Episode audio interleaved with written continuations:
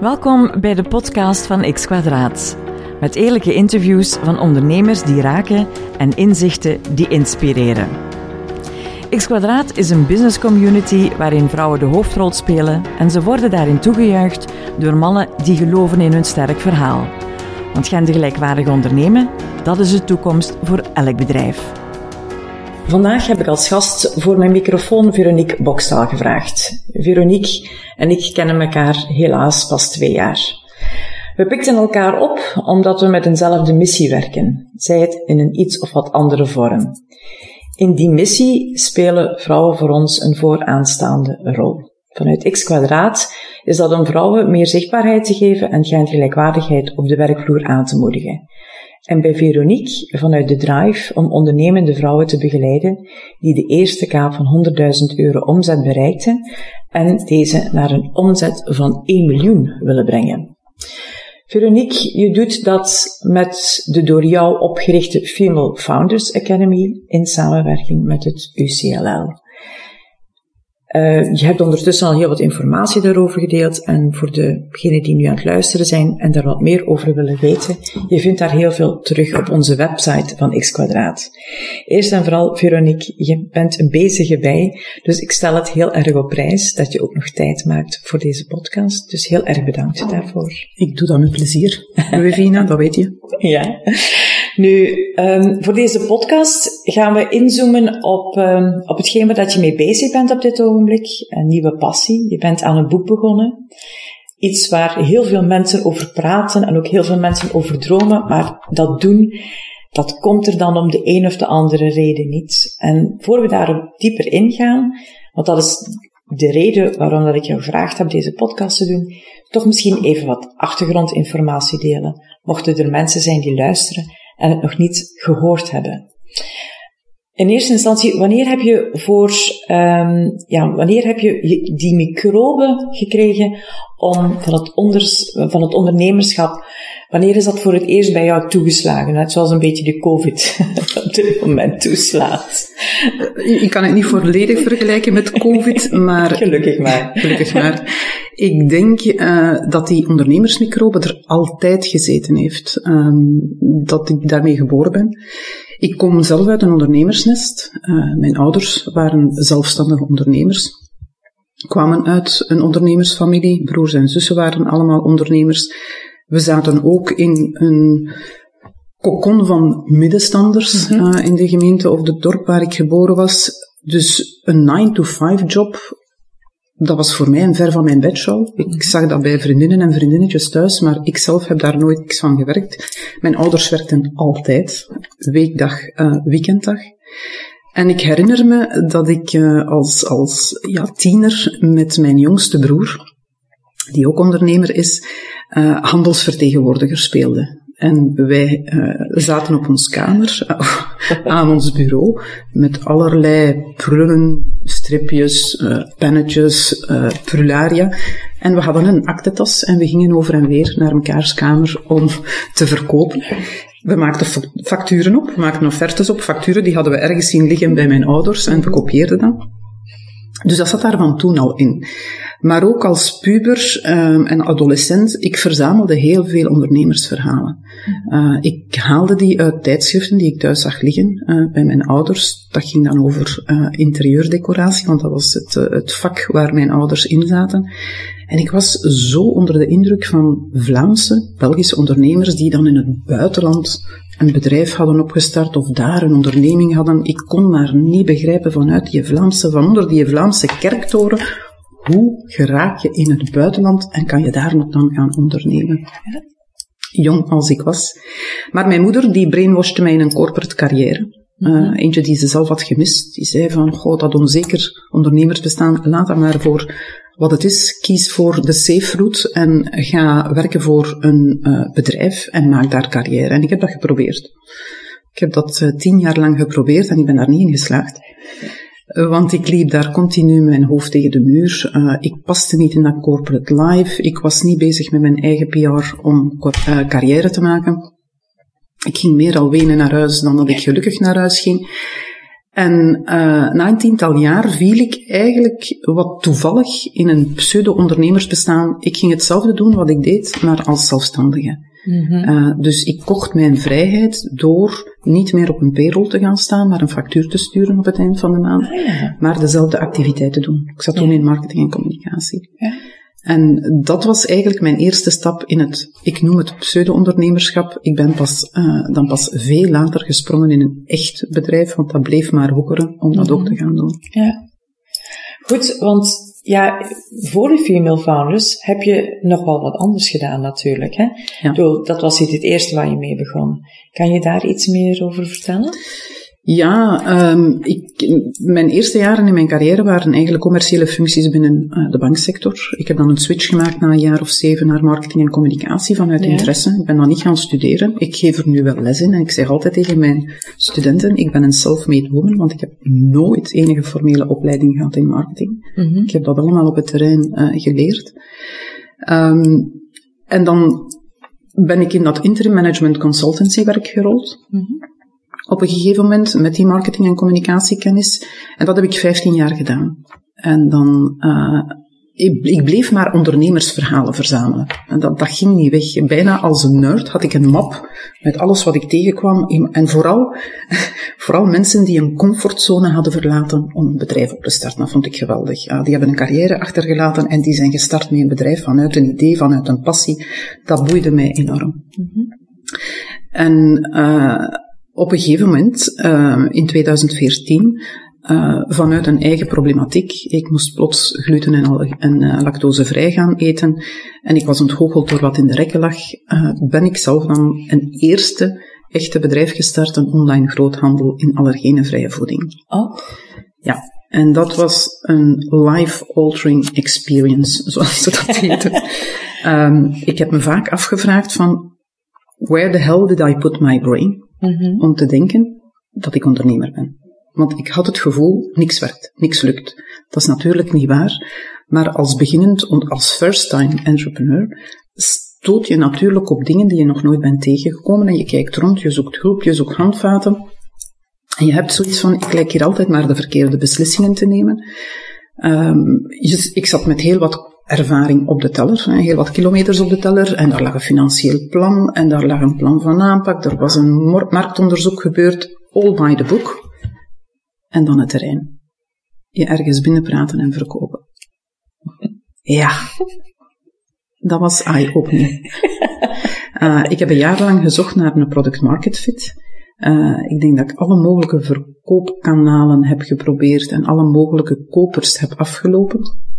En na een jaar had ik die wel gevonden. En dan ging dat in een versnelling. Uh, dan had ik zoiets van, oké, dat zijn mijn ideale klanten. Uh, ik heb ze in kaart en nu ga ik ze één voor één gaan uh, bewerken of ik ga ze proberen aan te trekken via andere kanalen. Nu, ik had een co-founder. We waren met twee, twee female founders. na twee jaar um, zaten we min of meer op schema. Mijn co-founder stapte uit. Die had zoiets van, dat groeit hier te traag. Ik heb daar geen geduld voor. Ik ga iets anders doen. En dan heb ik eigenlijk, stond ik eigenlijk voor de keuze, wat doe ik nu met uh, die activiteit? Ga ik, die, ga ik dat bedrijf verkopen? Ga ik een co-founder zoeken? Wat ga ik doen? Ga ik extra geld zoeken? Uh, er was wat kapitaal nodig. En ik heb dan uiteindelijk verkocht. Mm -hmm. En uh, dan zat ik daar met mezelf aan tafel en had ik zoiets van, oké, okay, en nu? Terug naar een corporate carrière? No way, dat gaat niet meer lukken.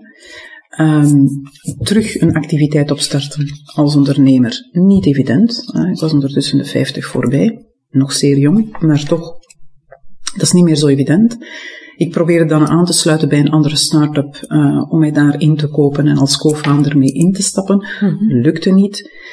Maar ik had vooral in die periode van onze eigen start-up uh, zitten observeren hoe ondernemers en onderneemsters in die start-up wereld zich gedroegen. Ja. En ik had ook onszelf geobserveerd als female founders. En ik merkte daar toch wel wat verschillen. Um, ik had zoiets van die mannelijke ondernemers, die zijn precies voor alles klaar. Mm -hmm. Die zijn aan het fundraisen, die zijn aan het taalwerven, die verkopen gelijk zot. Uh, productontwikkeling of, of die platformen, die tech-platformen, die staan allemaal op punt. Dat was maar een idee, mijn perceptie van het gebeuren. Maar die onderneemsters die liepen vooral met het hoofd in de grond. Van, oh nee Veronique, we zijn nog niet klaar om klanten te bezoeken of om mensen aan te werven, fundraisen, ben je gek? Um, als er ergens een spreekster werd gezocht om over een thema te gaan praten. Nee, wij niet, we zijn, zijn, zijn geen experten. Dus die vrouwen waren nooit nergens klaar voor. En ik had zoiets van, dit is iets wat mij boeit, dat valt mij op en ik wil eens weten, speelt dat ook ergens, ergens anders? Of zijn dat wij, de Vlamingen, de Vlaamse ondernemers, die te bescheiden zijn? Maar dat bleek een algemene problematiek, ook in de Anglo-Saxische wereld.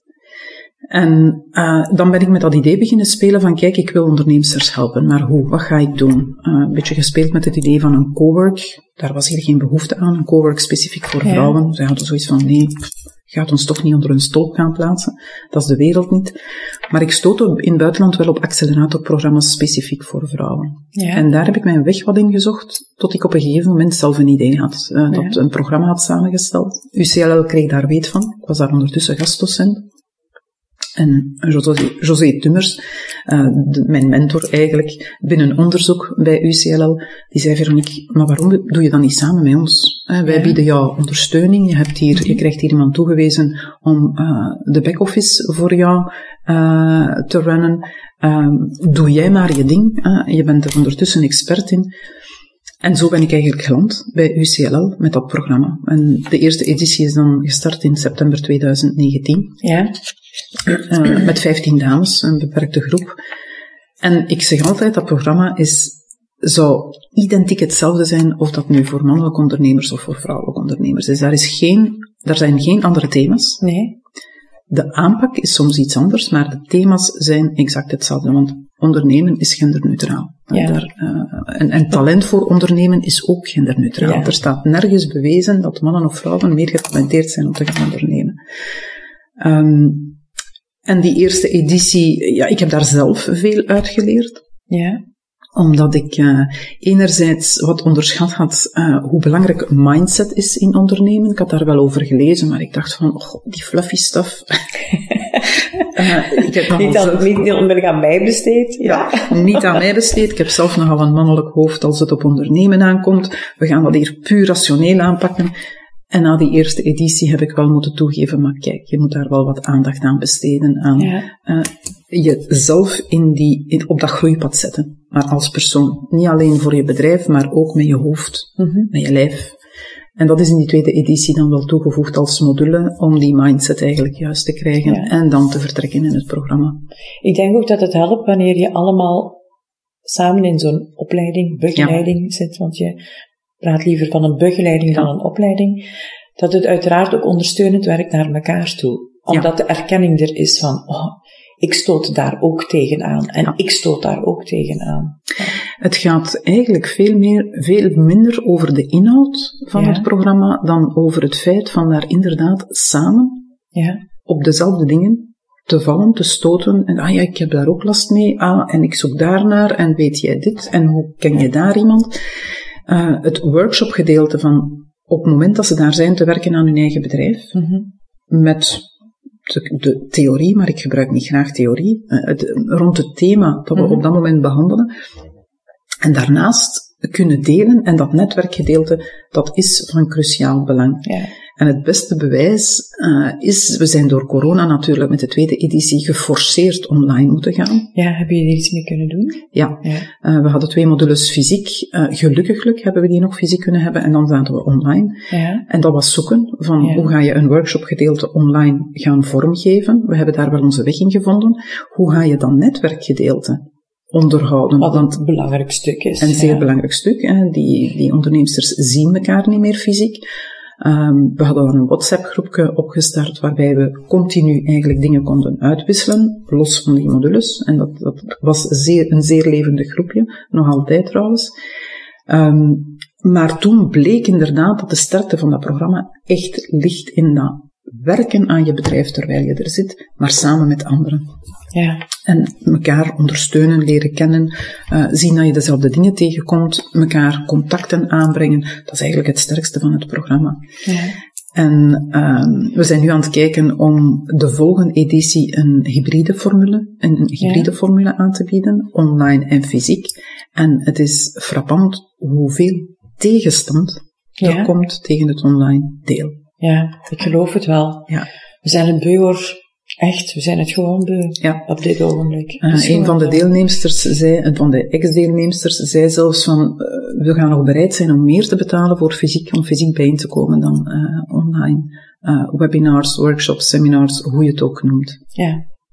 Je mist inderdaad dat stukje achteraf voor communicatie naar elkaar toe, vind ik. Ook al geef je elkaar de kans tijdens zo'n webinar om wat informatie naar elkaar uit te delen. Het is niet hetzelfde. Het interactieve, nee. Dat mis je compleet. Ja, ja je mist ook heel wat, uh, heel wat zaken hè, online. Ja. Uh, je ziet dan, we zitten hier nu tegenover elkaar, maar als je elkaar online ziet, uh, gans die gezichtsexpressie, die mimiek, um, compleet anders. je hebt geen bewegingsvrijheid, want je nee. zit gekluisterd achter dat scherm. Ja.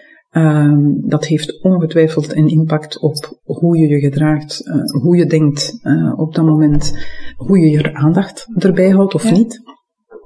Dat is gewoon niet te vergelijken. Nee, het is echt niet te vergelijken. Goed, maar het is nog eventjes dat we er doorheen moeten. Nu, dat heb je al gedaan, dus dan heb je dus al een hele mooie weg afgelegd, vind ik. En dan is het nu tijd voor een boek. Is dat nu iets wat er al lang sluimerde, of is dat eigenlijk door corona de, op, ja, bedoel, uh, naar boven gekomen? Wat, uh, was je daar al een tijdje mee bezig?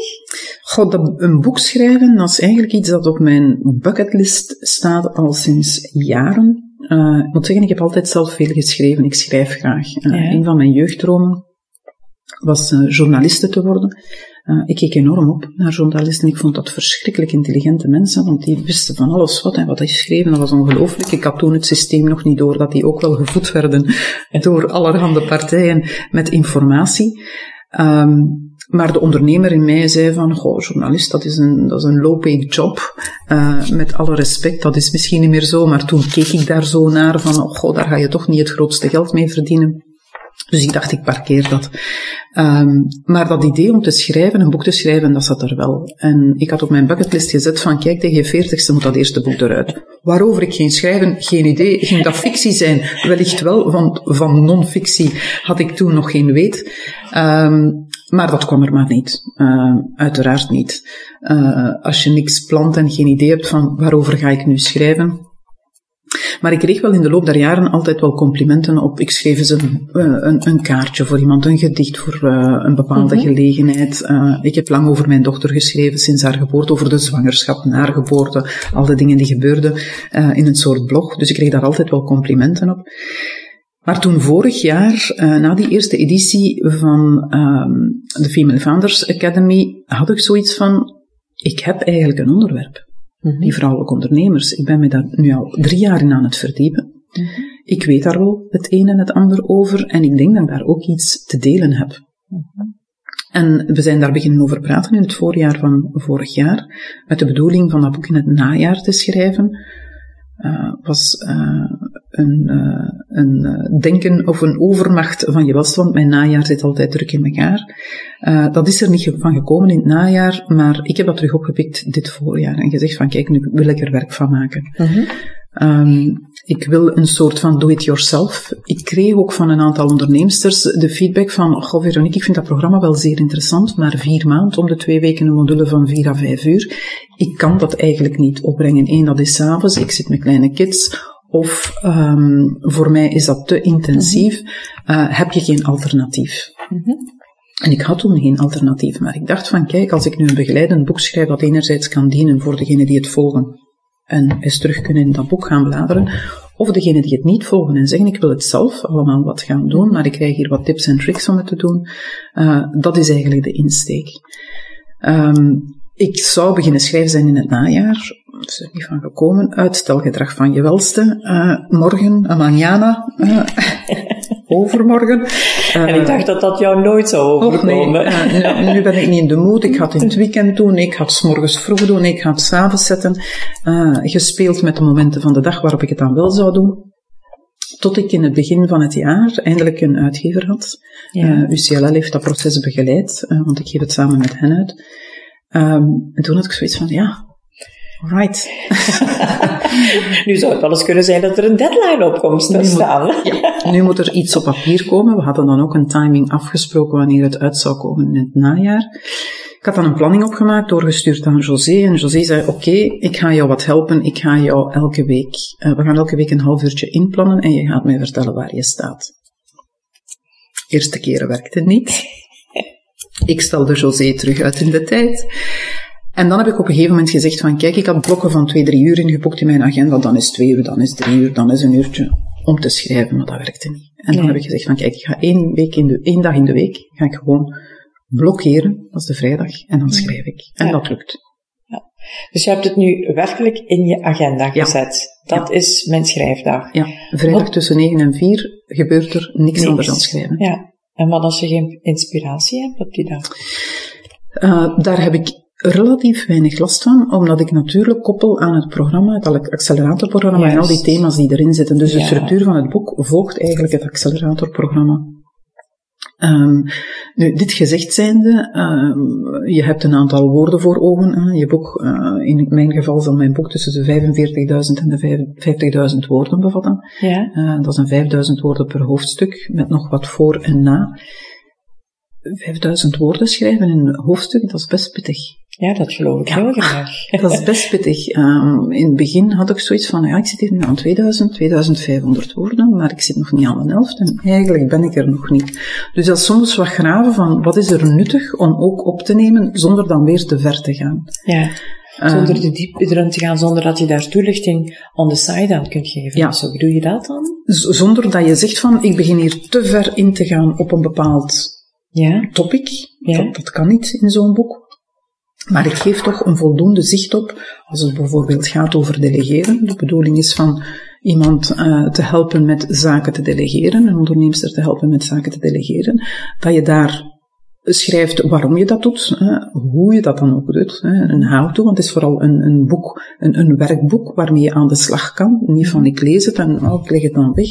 Het is eigenlijk iets dat je bij de hand kan houden van ja, hoe moest je dat nu weer aanpakken? Mhm maar ook op een manier, op een bevattelijke manier. Niet de grote theorieën, uh, die ik in het acceleratorprogramma ook niet aankaart. Ik ben daar geen fan van. Je hebt mhm. heel veel theorieën en je kan die allemaal online vinden. Ik vertel ook niks nieuws. Ik zeg dat altijd. Ik vind mm niks uit. Ik vertel niks nieuws. Ik zet het mhm. alleen eens op een rijtje.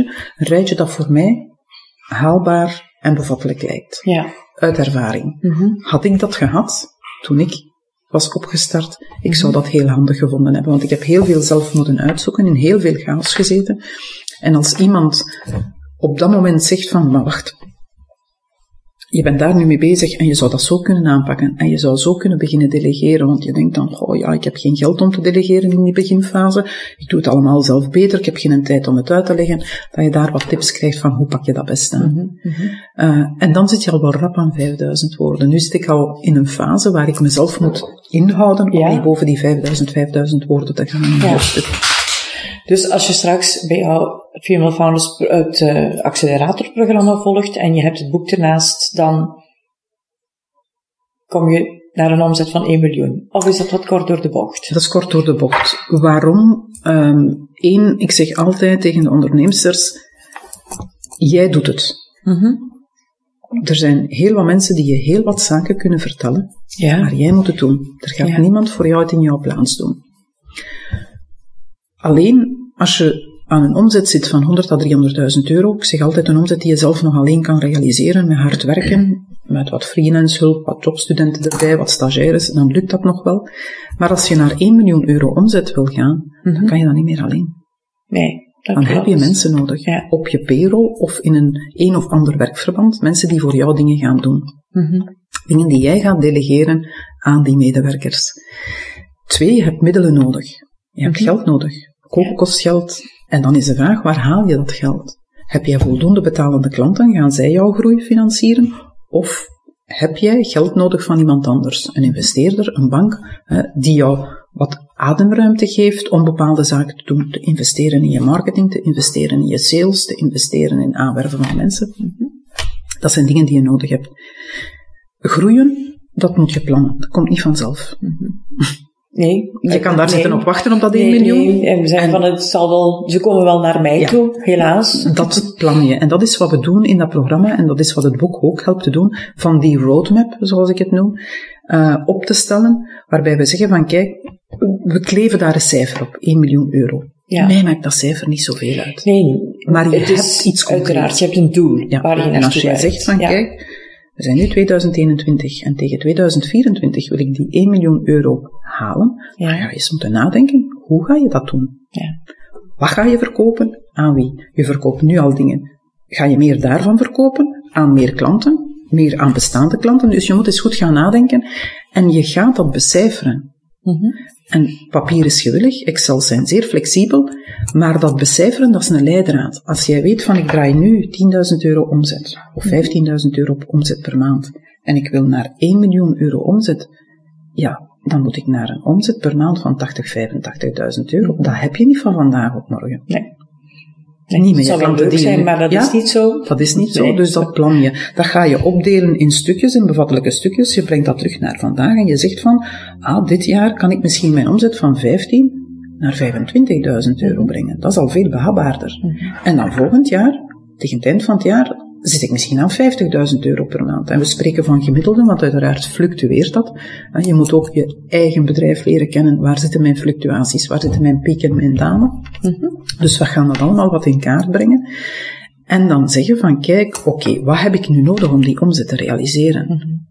Je kan zelf geen twintig bezoeken op een dag doen. Je kan zelf geen twintig telefoons op een dag doen en blijven opvolgen. Mm -hmm. Je kan wel twintig telefoons doen, maar verkoopsgesprekken bedoel ik. Dus ja. uh, als je klanten binnentrekt via je sociale media kanalen, via online uh, kanalen, ja, dat moet opgevolgd worden. Mm -hmm. Je gaat niet zeggen tegen een geïnteresseerde klant, binnen drie maanden zal ik jou eens terugbellen, want ik heb nu geen tijd. Dus dat zijn zeer concrete dingen. En dat is de bedoeling van dat programma in dat boek, van echt eens met jezelf te gaan samenzitten, of met mensen rond jou, van oké, laat mij nu eens nadenken van hoe ga ik die groei plannen? Ben ik daar klaar voor? Wil ik dat? Heb ik die ambitie? En hoe stel ik mij, want dat vind ik zeer belangrijk, dat visualiseren, hoe stel ik mij mijn bedrijf dan voor als dat 1 miljoen euro omzet draait? Want ik ben niet meer alleen. Hoe zie ik dat? Waar is mijn plaats? Ben ik de CEO? Ben ik hoofdproductontwikkeling? Ben ik de sales? All fine, maar je moet wel weten waar je zelf naartoe wil. Ja, wat je eigen doel is. Ja.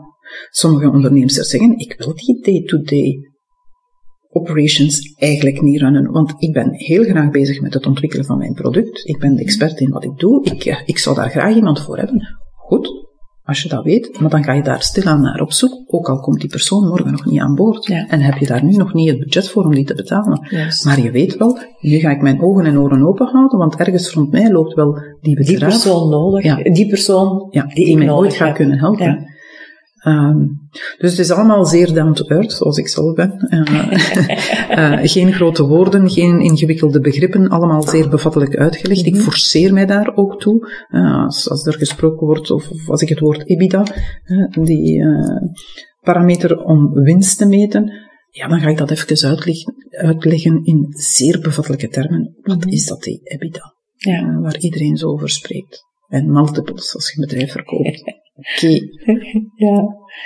Nu, uit de vele interviews die ik al van je gehoord en gelezen heb, um, komt ook heel vaak naar voren dat je zelf een fervent lezer bent. Heb je, voordat je hier aan dit avontuur begon en met de topic die je erin gaat beschrijven, ook een boek gevonden van en hoe schrijf ik nu een bestseller?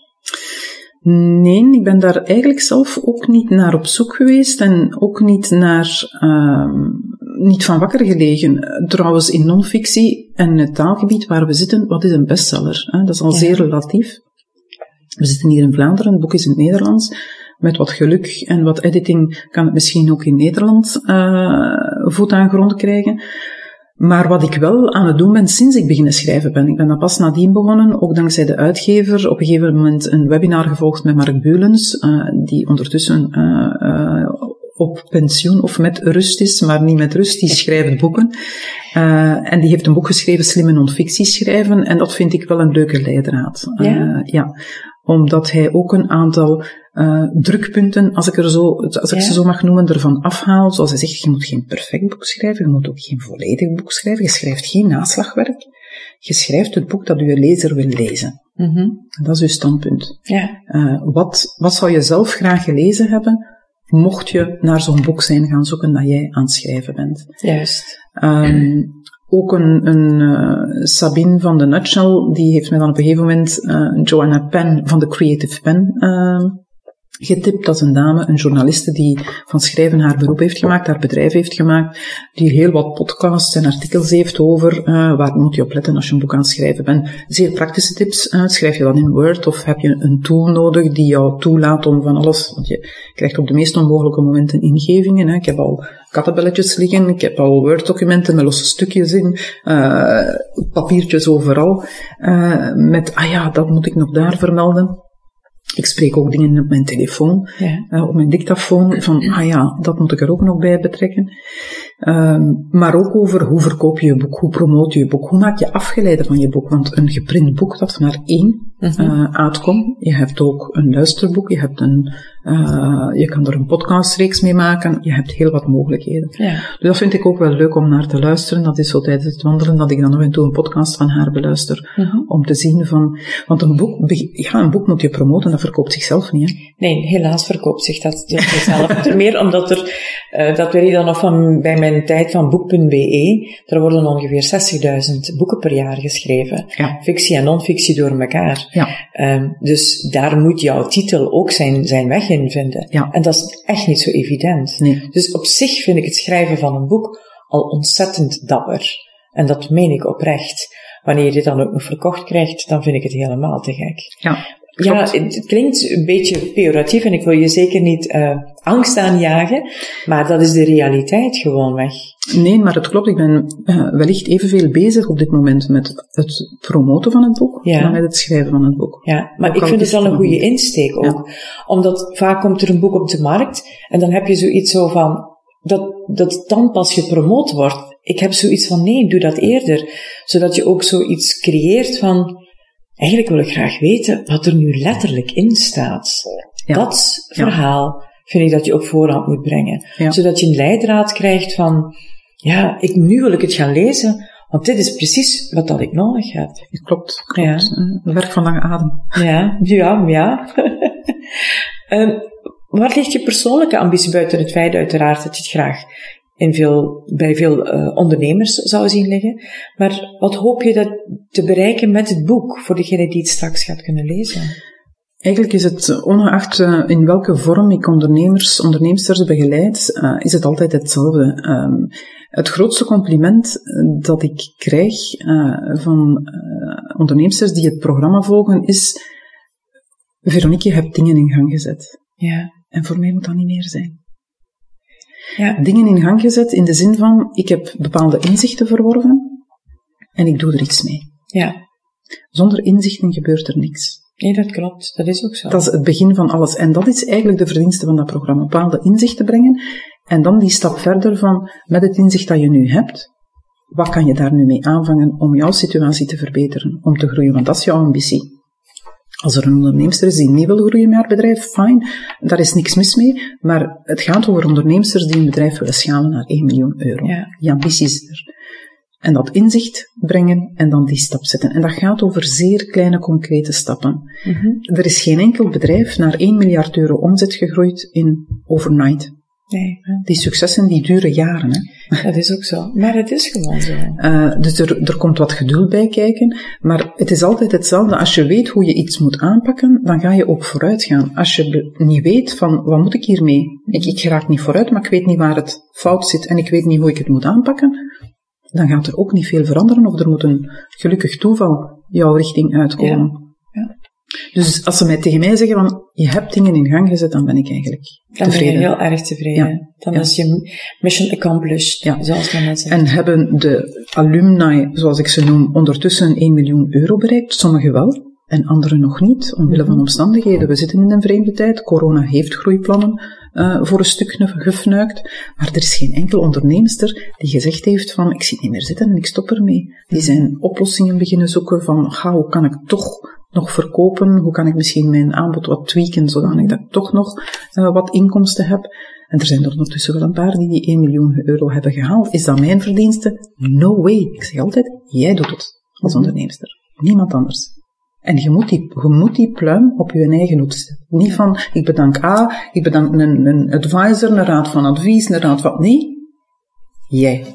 En daar hebben ondernemers het ook vaak moeilijk mee. Om, ik interview ook uh, onderneemsters en dan vraag ik op het eind altijd, zie je jezelf als een rolmodel? Ja. En het antwoord dat ik daarop krijg is altijd, oh, een rolmodel. En dan nog zo'n zenuwachtig lachje erachter. Nee. Nee. en dan zeg ik, per definitie ben je er een. Een ondernemer, onderneemster, is altijd een rolmodel. Ja. Dat is de motor van de economie. Zonder ondernemen gebeurt er niks. Nee, dat klopt.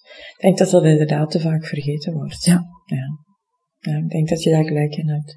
Het wordt te vaak vergeten. Ja. Ja. ja. Het zijn mensen die de, de economie draaiende ja. Uh, ja, houden of aan de gang krijgen, stellen mensen te werk.